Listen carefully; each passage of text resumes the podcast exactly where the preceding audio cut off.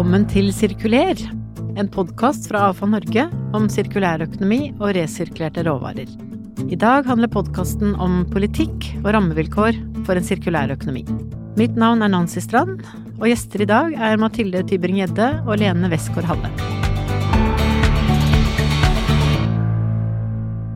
Mathilde Tybring-Gjedde og Lene Westgård Halle er stortingspolitikere for Høyre, og sitter i henholdsvis utdannings- og forskningskomiteen og energi- og miljøkomiteen på Stortinget. Velkommen til dere. Takk, takk. takk. Veldig hyggelig å ha to gjester. Um, og som dere sa før vi begynte, er jo, nå er dere to stykker fra samme parti, så dere er kanskje ganske enige. Men dere sitter litt i hvert deres uh, område mm. uh, på Stortinget og har litt forskjellig bakgrunn. Ja. Og for å begynne der, um, vi kan jo kanskje begynne med deg, Mathilde. Sånn, hvordan kom du inn i politikken, og hvordan startet engasjementet ditt? Det, det startet vel sånn klassisk med Unge Høyre og verving da jeg var 16. Men jeg, jeg ville, ville, engasjere meg politisk, og trodde først at jeg var veldig på venstresida. Så jeg var jo på en måte på medlemsmøte i Rød Ungdom, ja. og så SU, og så AUF, og så endte jeg opp i Unge Høyre, da. Så det var ganske okay. lang ferd det første halvåret der. Men eh, nei, altså vet jeg, hvorfor, jeg, hvorfor jeg ble politisk aktiv. Jeg tror det var bare at jeg hadde en sånn, rett, en sånn rettferdighetssans, da. Ja. Eh, og det er kanskje et klisjéting å si, men det er klart, det var Enten det var at, uh, å ha lave forventninger til elevene i skolen, det syns jeg var liksom, kunne bli irritert over. Og jeg hadde en mamma som var sykepleier på et privat sykehus, og jeg mente at pasienter burde kunne få lov til å velge privat istedenfor å stå i kø for behandling. Og det var liksom klassiske sånne saker da, som gjorde at jeg ja. litt rettferdighetssansen styrte. Mm, mm. Ja, da fikk du lyst til det. Så det var en interessant reise du har vært gjennom da, før du endte der hvor du har endt nå. Mm. Eh, men eh, Lene, hva med deg? Hvordan startet det for din del?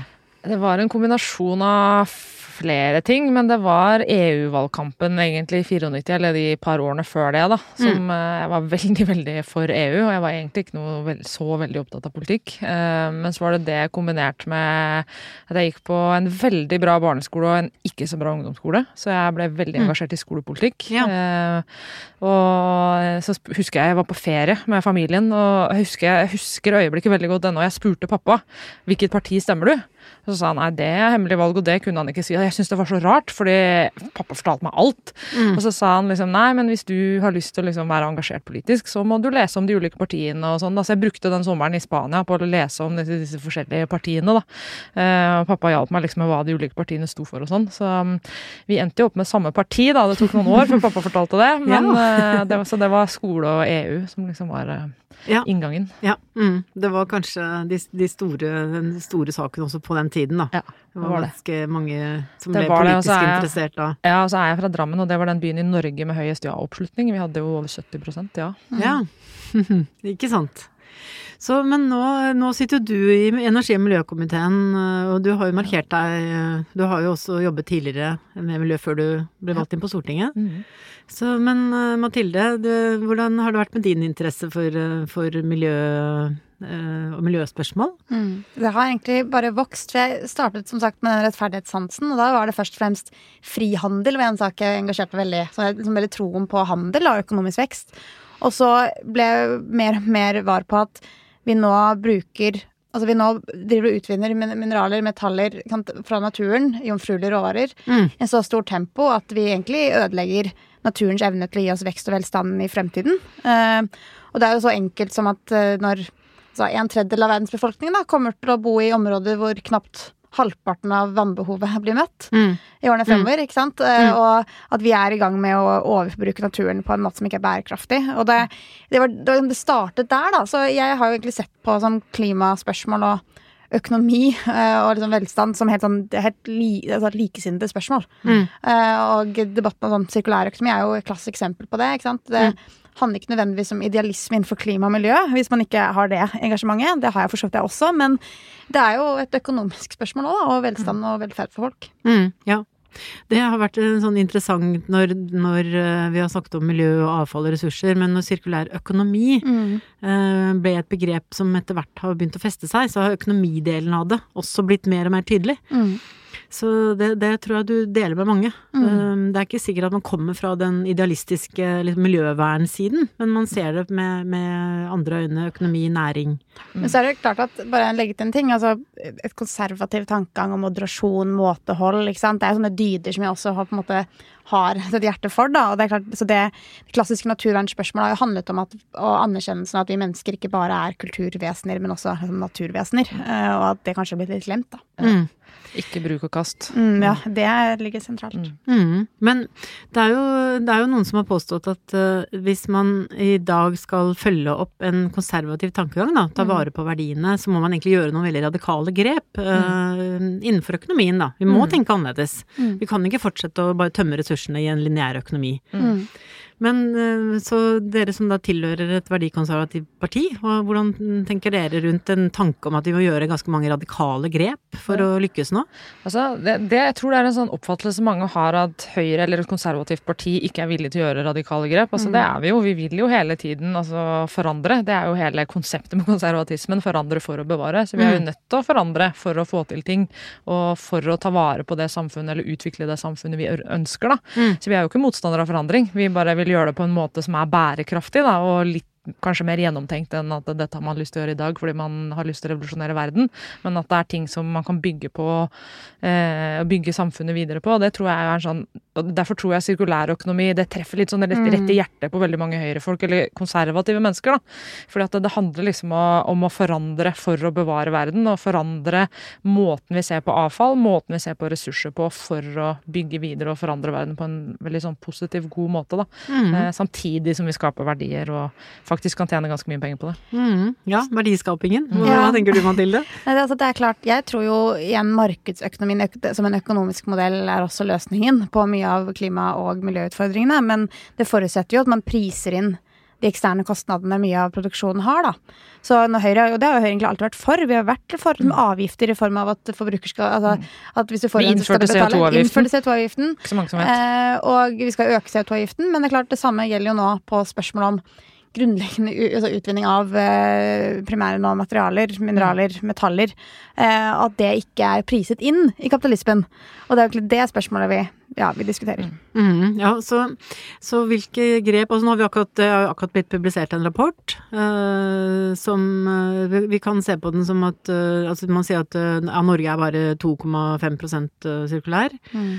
Mens gjennomsnittet i verden er 9,8, som i seg selv er egentlig ganske lavt. Um, men, men Og uavhengig av akkurat liksom prosentene 2 og 3 og 9 og 10 og sånn, men, men um, vi kommer dårlig ut da, av den sammenligningen. Så um, hvilke grep eh, tror dere vi nå må gjøre, og hva, hvilke, hva dere at Hva håper dere at regjeringen kommer med nå, når, eh, når det kommer en sirkulær strategi? Ja, nei, jeg tror vi, jo, vi er nødt til å gjøre flere ting. Altså, det ene er jo litt sånn at vi, det der bruk og kast-mentaliteten har vært ganske sterk i Norge. Altså, vi har jo hele jappetida og alt det som ligger sånn til grunn, og så er det først nå vi har begynt å tenke at eh, ok, det er kanskje en verdi i å ta vare på ting, og kanskje kjøpe litt dyrere ting for at det skal vare lenger. Så jeg tror den bevisstheten hos folk tror jeg er veldig, veldig viktig. Eh, å drive mye holdningsarbeid, og liksom at vi som forbrukere er bevisste på det. Men da må vi også legge til rette for at vi på- forbrukere kan ta de valgene, da, eller gjøre de valgene. Og der, det er jo litt vår, som, vår, rolle som politikere, at vi må legge til rette både for et eh, avgiftssystem og sørge for at eh, de varene vi ønsker er tilgjengelige, at det er enklere for produsentene å kanskje ta mer ansvar, eller at vi pålegger produsentene litt mer ansvar. Og at produsentene er nødt til å følge produktene sine hele veien, f.eks. Eh, så jeg tror det er mange av de tingene. Og det å, å gjøre det enklere både, både for forbrukere og bedrifter å være en del av den sirkulære økonomien, og at det lønner seg, da. For det er mye Mm. det det handler om. ikke sant? Mm. At, du, at jeg som forbruker Det lønner seg for meg å velge det som, det som er sirkulært, eller det lønner seg for en produsent å produsere ikke ti billige plastting, men kanskje én litt dyrere ting i tre. Da, Mm. for. Mm, ja, mm, så knekke koden for å få dette til å lønne seg. Mm. Ja. Ja, det er jo altså det å skape et marked for resirkulerte, eh, råvarer. Det, altså, det kommer til å være en vesentlig del av det. fordi det er da du får, da du får måte, innovasjon, nye forretningsmodeller, at det faktisk er lønnsomt for hele verdikjeden da, til å, eh, til å tenke nytt i hvordan vi bruker eh, materialene sine, og hvor man tracker mye av materialstrømmene. Mm. Um, og det er jo, ikke sant, det har avgiftssystemet åpenbart, og så har vi jo store spørsmål om offentlige anskaffelser, som Ja. er på en måte en drivkraft i dette. Eh, hvor utfordringen er at én ting er eh, statlige anskaffelser, men vi har uh, ganske mange hundre kommuner da, med ulik kompetanse og evne til å etterspørre. Enten det er å etterspørre produkt som tjenester i større grad, slik at du får eh, mer altså, livssyklusen av et produkt, da, Mm. eh, og ansvarliggjøre produsentene, eh, eller eh, i form av generelt eh, produkter. At, at det, det, er designet på en måte som gjør at det faktisk varer, og også kan resirkuleres. Mm. Så det, det å få knukket den koden for om man skal klare å få fornyelse også i eh, veldig mange ulike kommuner, Mm. det kommer til å være et, eh, et viktig spørsmål. Mm, mm. Men siden du er inne på det med offentlige anskaffelser, fordi jeg har jo sett at det, det går jo en debatt i det, i det, det fagmiljøet da, som jobber med anskaffelser og, og også knytter miljøkrav. Så jeg ser at det er to, to linjer, hvis du skal liksom prøve, å mm, ta de eh, Hva skal jeg si for noe, peke på hvordan debatten har utviklet seg. Så er det de som mener at dette må nedfelles eh, i lover og forskrifter og bli veldig tydelig, og vi må må være enda mer spesifikke krav som de offentlige anskafferne eller innkjøperne må stille. Mens du har en annen en linje som går på at det handler om kompetanse, det handler om holdninger, kunnskap. Um, er det, skal dette settes opp mot hverandre, eller? Um, Er det he- Vi trenger begge deler. Vi får det ikke til hvis ikke vi gjør begge deler. For jeg tror vi, vi er definitivt nødt til å stille krav, eh, og vi har jo begynt med det. Altså, det er jo en miljøvekting, miljøvekting i innkjøp i dag, men jeg tror ikke den er sterk nok, så jeg tror vi er nødt til å bli tydeligere. Vi er nødt til å stille klarere krav. Eh, Men det, det hjelper jo på en måte ikke så mye hvis kompetansen ikke er der ute i kommunene. Og det er jo Jeg har jobbet mye med kommuner tidligere, og det er litt sånn Hvis du har en veldig liten kommune, da, så er det kanskje én person som har ansvar for tre-fire forskjellige roller, og det å forvente at vedkommende skal ha den kompetansen, det, det er ganske utfordrende på veldig mange felt. Da. Mm. Så jeg tror definitivt at vi trenger både kravene, men også kompetansen. mm, Her er jo EU, altså Strategien til EU på dette området legger opp til f.eks. å stille, liksom, eller introdusere kanskje minimumskrav da, for, eh, for offentlige anskaffelser innenfor visse nøkkelsektorer. Og det er klart, EU kommer til å være, og er jo glad, glad for det, være en drivkraft. Og så er jo spørsmålet at det er et konkurransefortrinn for Norge også være forut for mye av det som gjennomføres nå i EU, også på dette feltet. Mm, mm. Men er vi forut, eller eh, det er vel en god del røster som, eh, som påpeker at vi sitter i overkant ofte og venter, da. Um, Det, altså, når det gjelder EU, og det er jo litt sånn paradoksalt, fordi, og det er jo, men EU er jo veldig offensive på alt med klima og miljø, og går jo foran i veldig stor grad. Um, og så skal det jo sies det at det, det er jo ikke så veldig mye poeng at vi gjør ting uten EU, fordi hvis vi gjør ting på egen hånd, så får du på en måte ikke den effekten du ønsker. Så det beste er jo om Norge og EU gjør ting sammen. Uh, men jeg tror definitivt vi kan uh, bli flinkere. Uh, det er jo helt åpenbart. Altså, vi er ikke flinke nok på sirkulær økonomi i dag. Vi har ikke hatt det fokuset som vi burde ha hatt på det. Så jeg tror jo, og det er helt sånn tverrpolitisk, jeg tror vi kommer til å se en veldig mye sterkere, et veldig mye sterkere fokus på dette feltet. mm, Eh, og det er jo en grunn til at vi kommer med sirkulær økonomimeldingen. da. Altså, Det er jo fordi at vi mener at det er et potensial her som ikke er utnytta. mm, Det er jo mm. interessant ta Mm. bygg- og anleggsbransjen. Altså Norge er vel dette landet som river mest, Mm. istedenfor egentlig vedlikeholdet og eh, Mm. eh, ha sensorer som tracker på en måte altså, hva som er behovene for bygg. Mm. Eh, og det er, der er det såpass mye materialer som er bundet opp i, og så har vi ikke et system for å egentlig vite hva slags materialstrømmer som er gått inn i bygg og anlegg, og hva som da Mm. eventuelt kan tas bruk på nytt. Ja. Så det er jo én sektor som er sånn åpenbart at Norge ligger litt i verstklassen i, som vi må gjøre ganske mye med. Mm, mm. Og um, er det et så enkelt grep som at uh, en del av det som faktisk er vedtatt i EU, og som skal inn i norsk lovgivning etter hvert ifølge EØS-avtalen, uh, at den kommer litt raskere inn i Kan vi speede opp den prosessen litt? Det ser jo vi da i bransjen, at uh, i avfalls- at uh, den tiden det tar fra det er vedtatt i EU til det blir innført i norsk lovgivning, det er et sånt, uh, en sånn limbo-tid, da. Mm. Hvor vi Ja, signalene er at dette også skal innføres her. Nå har vi jo Mm. fått veldig tøffe materialgjenvinningsmål, eksempel, men de er jo fortsatt så ligger jo de på vent i Mm.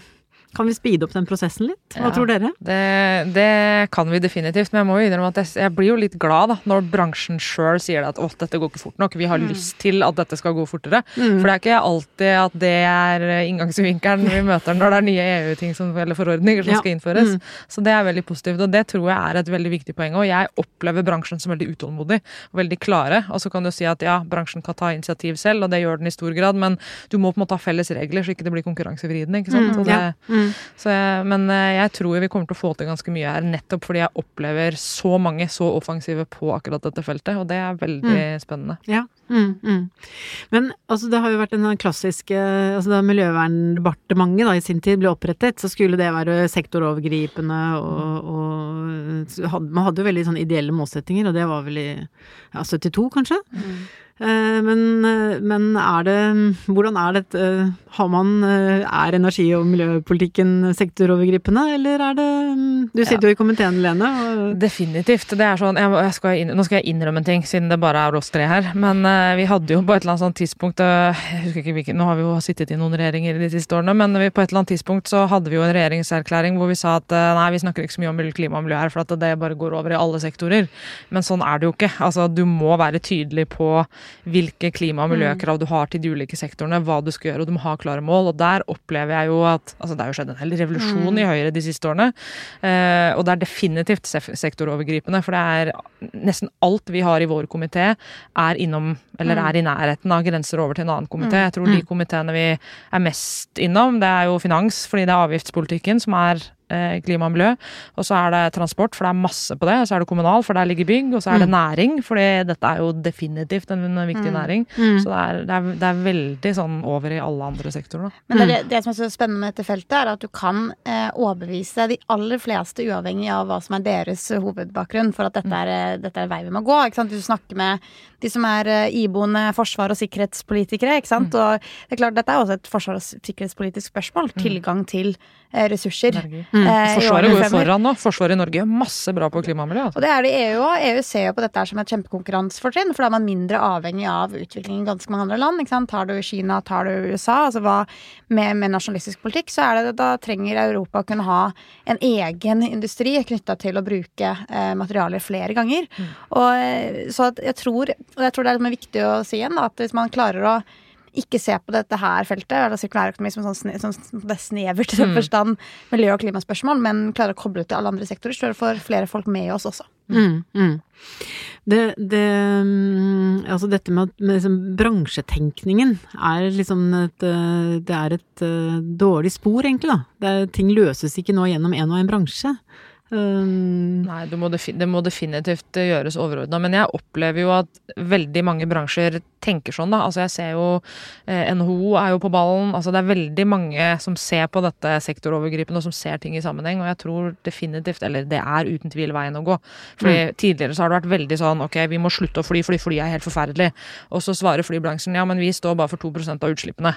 Eh, og hvis du deler det opp nok, så er det ingen som står for mer enn 2 av utslippene. Mm, så det er liksom, så du må se det samla, da. Men det er klart, dette er jo så Det kommer litt min bakgrunn fra å jobbe mye med utdanningspolitikk òg. fordi at eh, skal du klare å få tilbake få nye forretningsmodeller, ny kompetanse i små og mellomstore bedrifter Norge rundt, i å tenke nytt om f.eks. på dette feltet, så trenger man en helt annen måte å tenke utdanning på, kompetansepåfyll.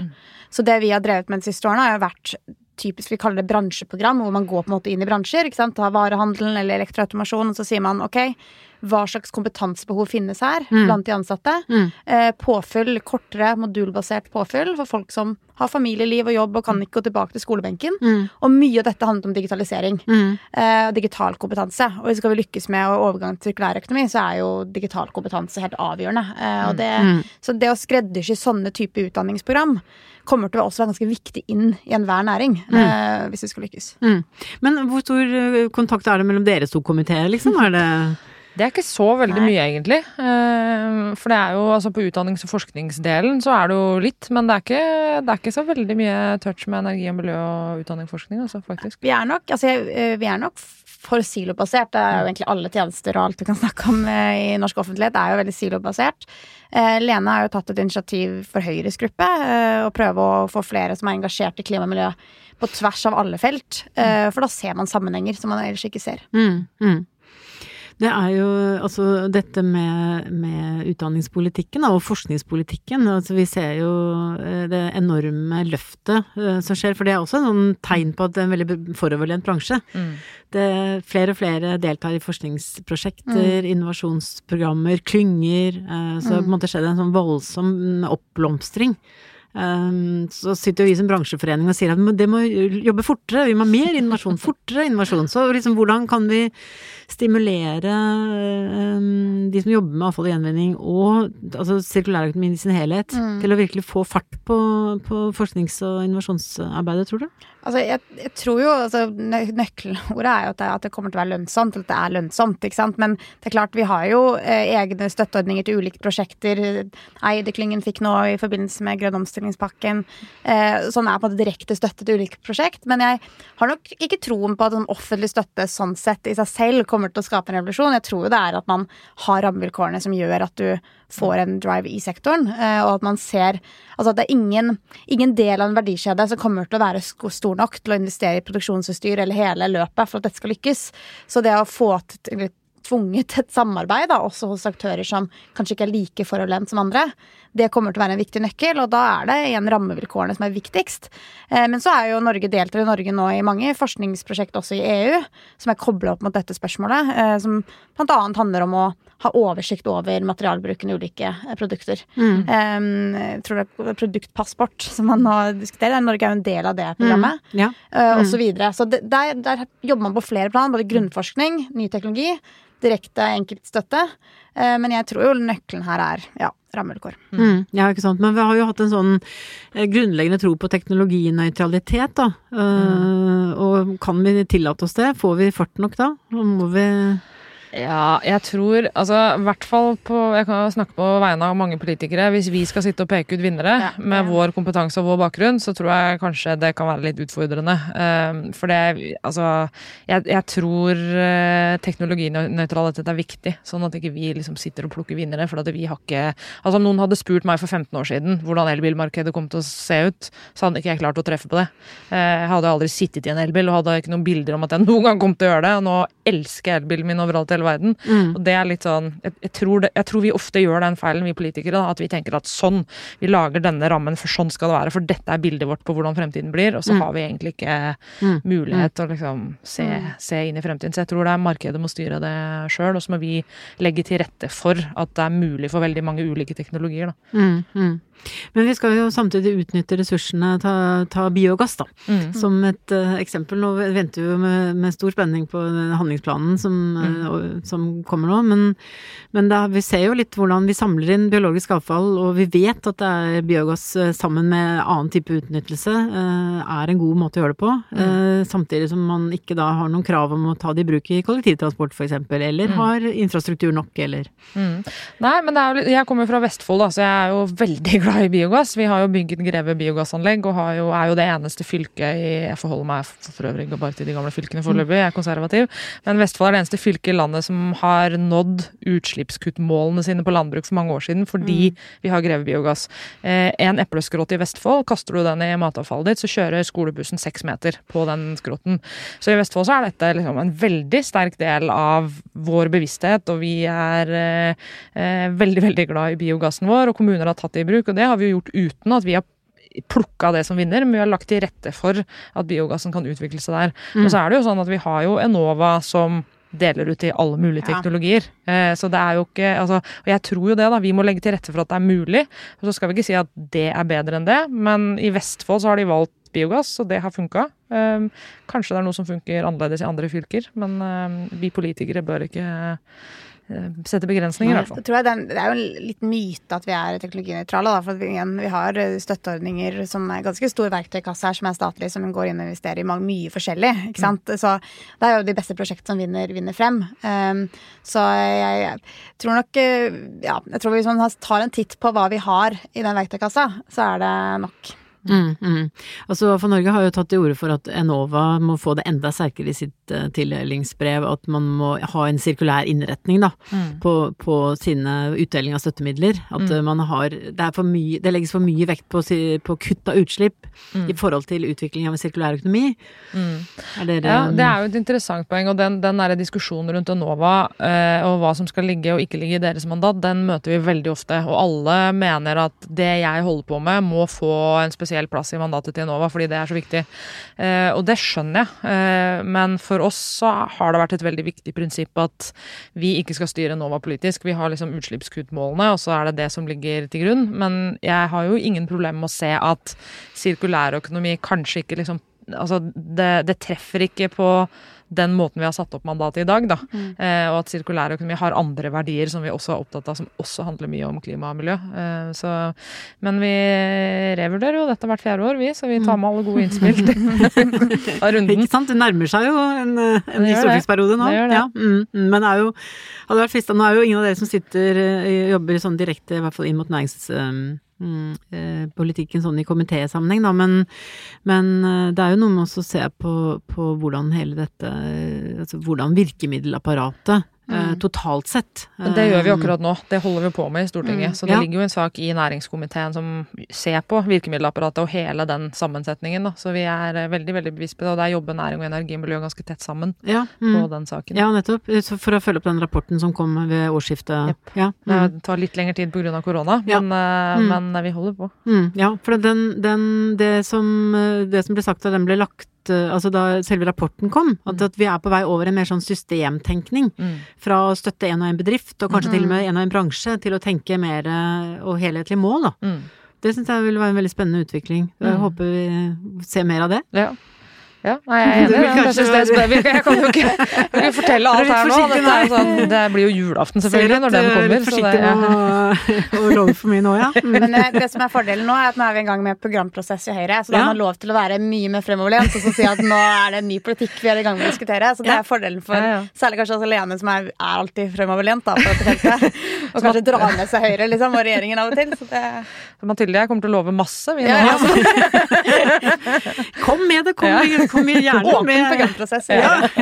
ikke sant. Men det er jo Er det også litt sånn generasjonsskifte her? Ser vi, ser vi det? At uh, um, Tja, altså jeg, jeg, igjen da, jeg tror at, som, som, jeg nevnte, jeg tror det er mange årsaker til at man kan se verdien i dette uten mm. at det trenger å være det, det klima- og miljøengasjementet som både min generasjon og yngre og har, er veldig fremoverlent på. Mm. Eh, men når det er sagt, jeg tror nok du kommer til å se eh, i Høyre. Og altså, dette her kommer til å være dominere debatten i årene fremover. Du mm. kommer ikke til å kunne snakke om eh, økonomisk politikk og industripolitikk og ikke forstå verdien av dette. Eh, og det er jo så grunnleggende som at det er nye forretningsmodeller som kommer til å dominere. Og det er, det er f.eks. ikke Altså hvis du baserer hele produksjonen din på å hente ut jomfruelige råmaterialer, og tenker at det skal du gjøre i 5-10-15 år til, mm. eh, så er ikke det konkurransedyktig. Det kommer ikke til å, til å vare.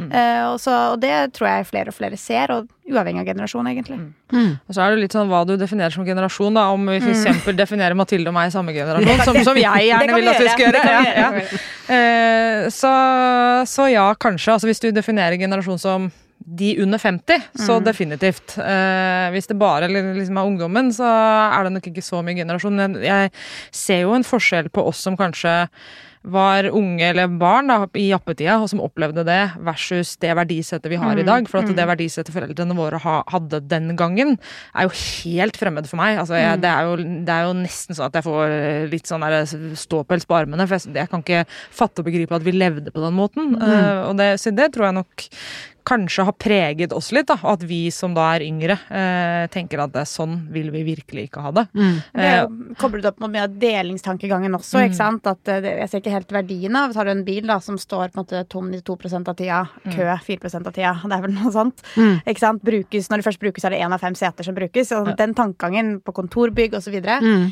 Jeg tror nok vi begynner liksom, både, både enten det er plassmangel, som det er i mange byene, eller det er snakk om generelt liksom sløsing. Mm. Eh, der har du nok fått en mm. endring i altså holdning. Det er litt gammeldags, liksom. Ja, det, er, det er litt sånn Ja, ja. ja, ja. Mm. delingsbil, jeg. Ja. Ikke sant? Ja, nemlig. Og det, det, jo, det, var jo en dansk miljøpolitiker for noen år tilbake som sa at det eneste hun trengte å eie selv, det var sykkelen sin. Ja. Den ville hun ikke av- avkoble. Alt annet kunne hun dele. Ja. Så kan, er det framtida? Ja, altså det, Deler av det, i hvert fall. Ja. er det. Men det kommer jo litt an på. Det er sånn, altså, For Mathilde, da, som bor i byen, så er det kanskje litt enklere enn for meg som bor på en bondegård langt ute på landet. Fordi Mm. det, det er ganske langt å gå til de jeg skal dele ting med. liksom. Så jeg, så jeg tror nok det er litt sånn Ja, definitivt, det er en del av det, men det er veldig sammensatt. Men jeg tror jo det handler mye om hvordan man tenker, og hvordan man liksom ser på samfunnet. For jeg ser jo, eh, ikke til forkleinelse for mine veldig unge og moderne foreldre, men vi har jo litt forskjellige måter å gjøre ting på, da. Altså, vi er mye mer opptatt av teknologi, og det kan være en ganske stor løsning når det gjelder utslippskutt og, og på sirkulærøkonomi. Altså, vi tenker Vi er kanskje ikke så låst i den, den tankegangen som var på 80-tallet, da. At man er eh, litt mer moderne og Men det er jo sånn, tanken om at du i mindre grad har produkter med i større grad tjenester. Det Mm. også er jo blitt mer og mer vant til. Jeg husker jeg kjøpte investerte i DVD-er da jeg var ung. Jeg forestilte meg at jeg fikk egen leilighet, skal jeg bare ha masse DVD-er. ikke sant? Nå har vi Spotify, eller Spotify og Netflix, sant? det er tjenester. Og det ser du jo på flere og flere, flere felt. Og jeg tror samtidig, Det er vanskelig å se for seg i fremtiden at noen La oss ta at du er lokalpolitiker og du skal ha gummigranulat til en kunstgressbane. da da er det første spørsmålet du stiller, er jo okay, hva livssyklusen dette er. Hvordan skal dette innhentes? Altså, det er, og da, da stiller man spørsmålstegn ved at faktisk produsenten har ansvar lengre tid Mm. enn bare å levere det der og da. Og det, tenke ja, og det er en annen måte å tenke på, tror jeg, på flere, flere områder. Jeg hadde minidisk også, for øvrig. Sånn, apropos ting Ja, man ikke trenger. Da skal jeg ikke snakke om hva jeg hadde, men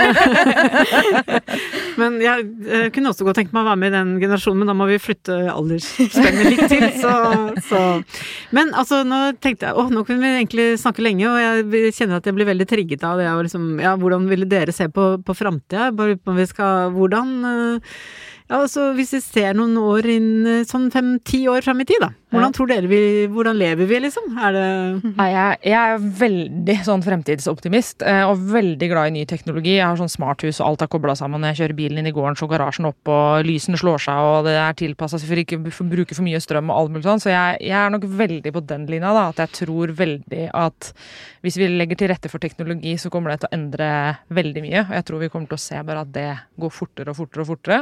Men så tror jeg også at vi ser at vi, de holdningene våre kommer til å endre seg i mye større grad. Vi kommer til å være mye mer bevisst på forbruk. Vi kommer til å være mye mer opptatt av kvalitet.